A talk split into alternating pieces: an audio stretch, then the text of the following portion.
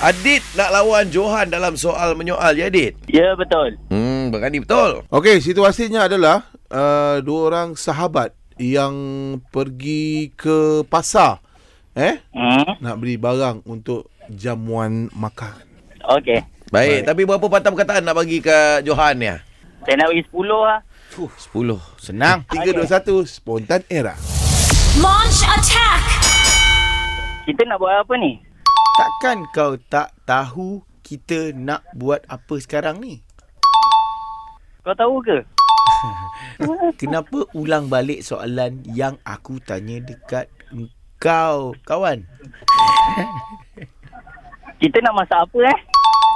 Apa yang ada dekat dalam fikiran kau untuk masakan kita?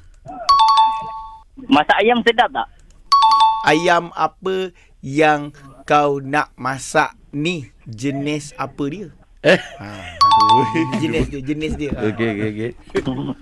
Um, Ah, tak ada, tak ada, tak ada. Mana boleh? Ram, tak boleh.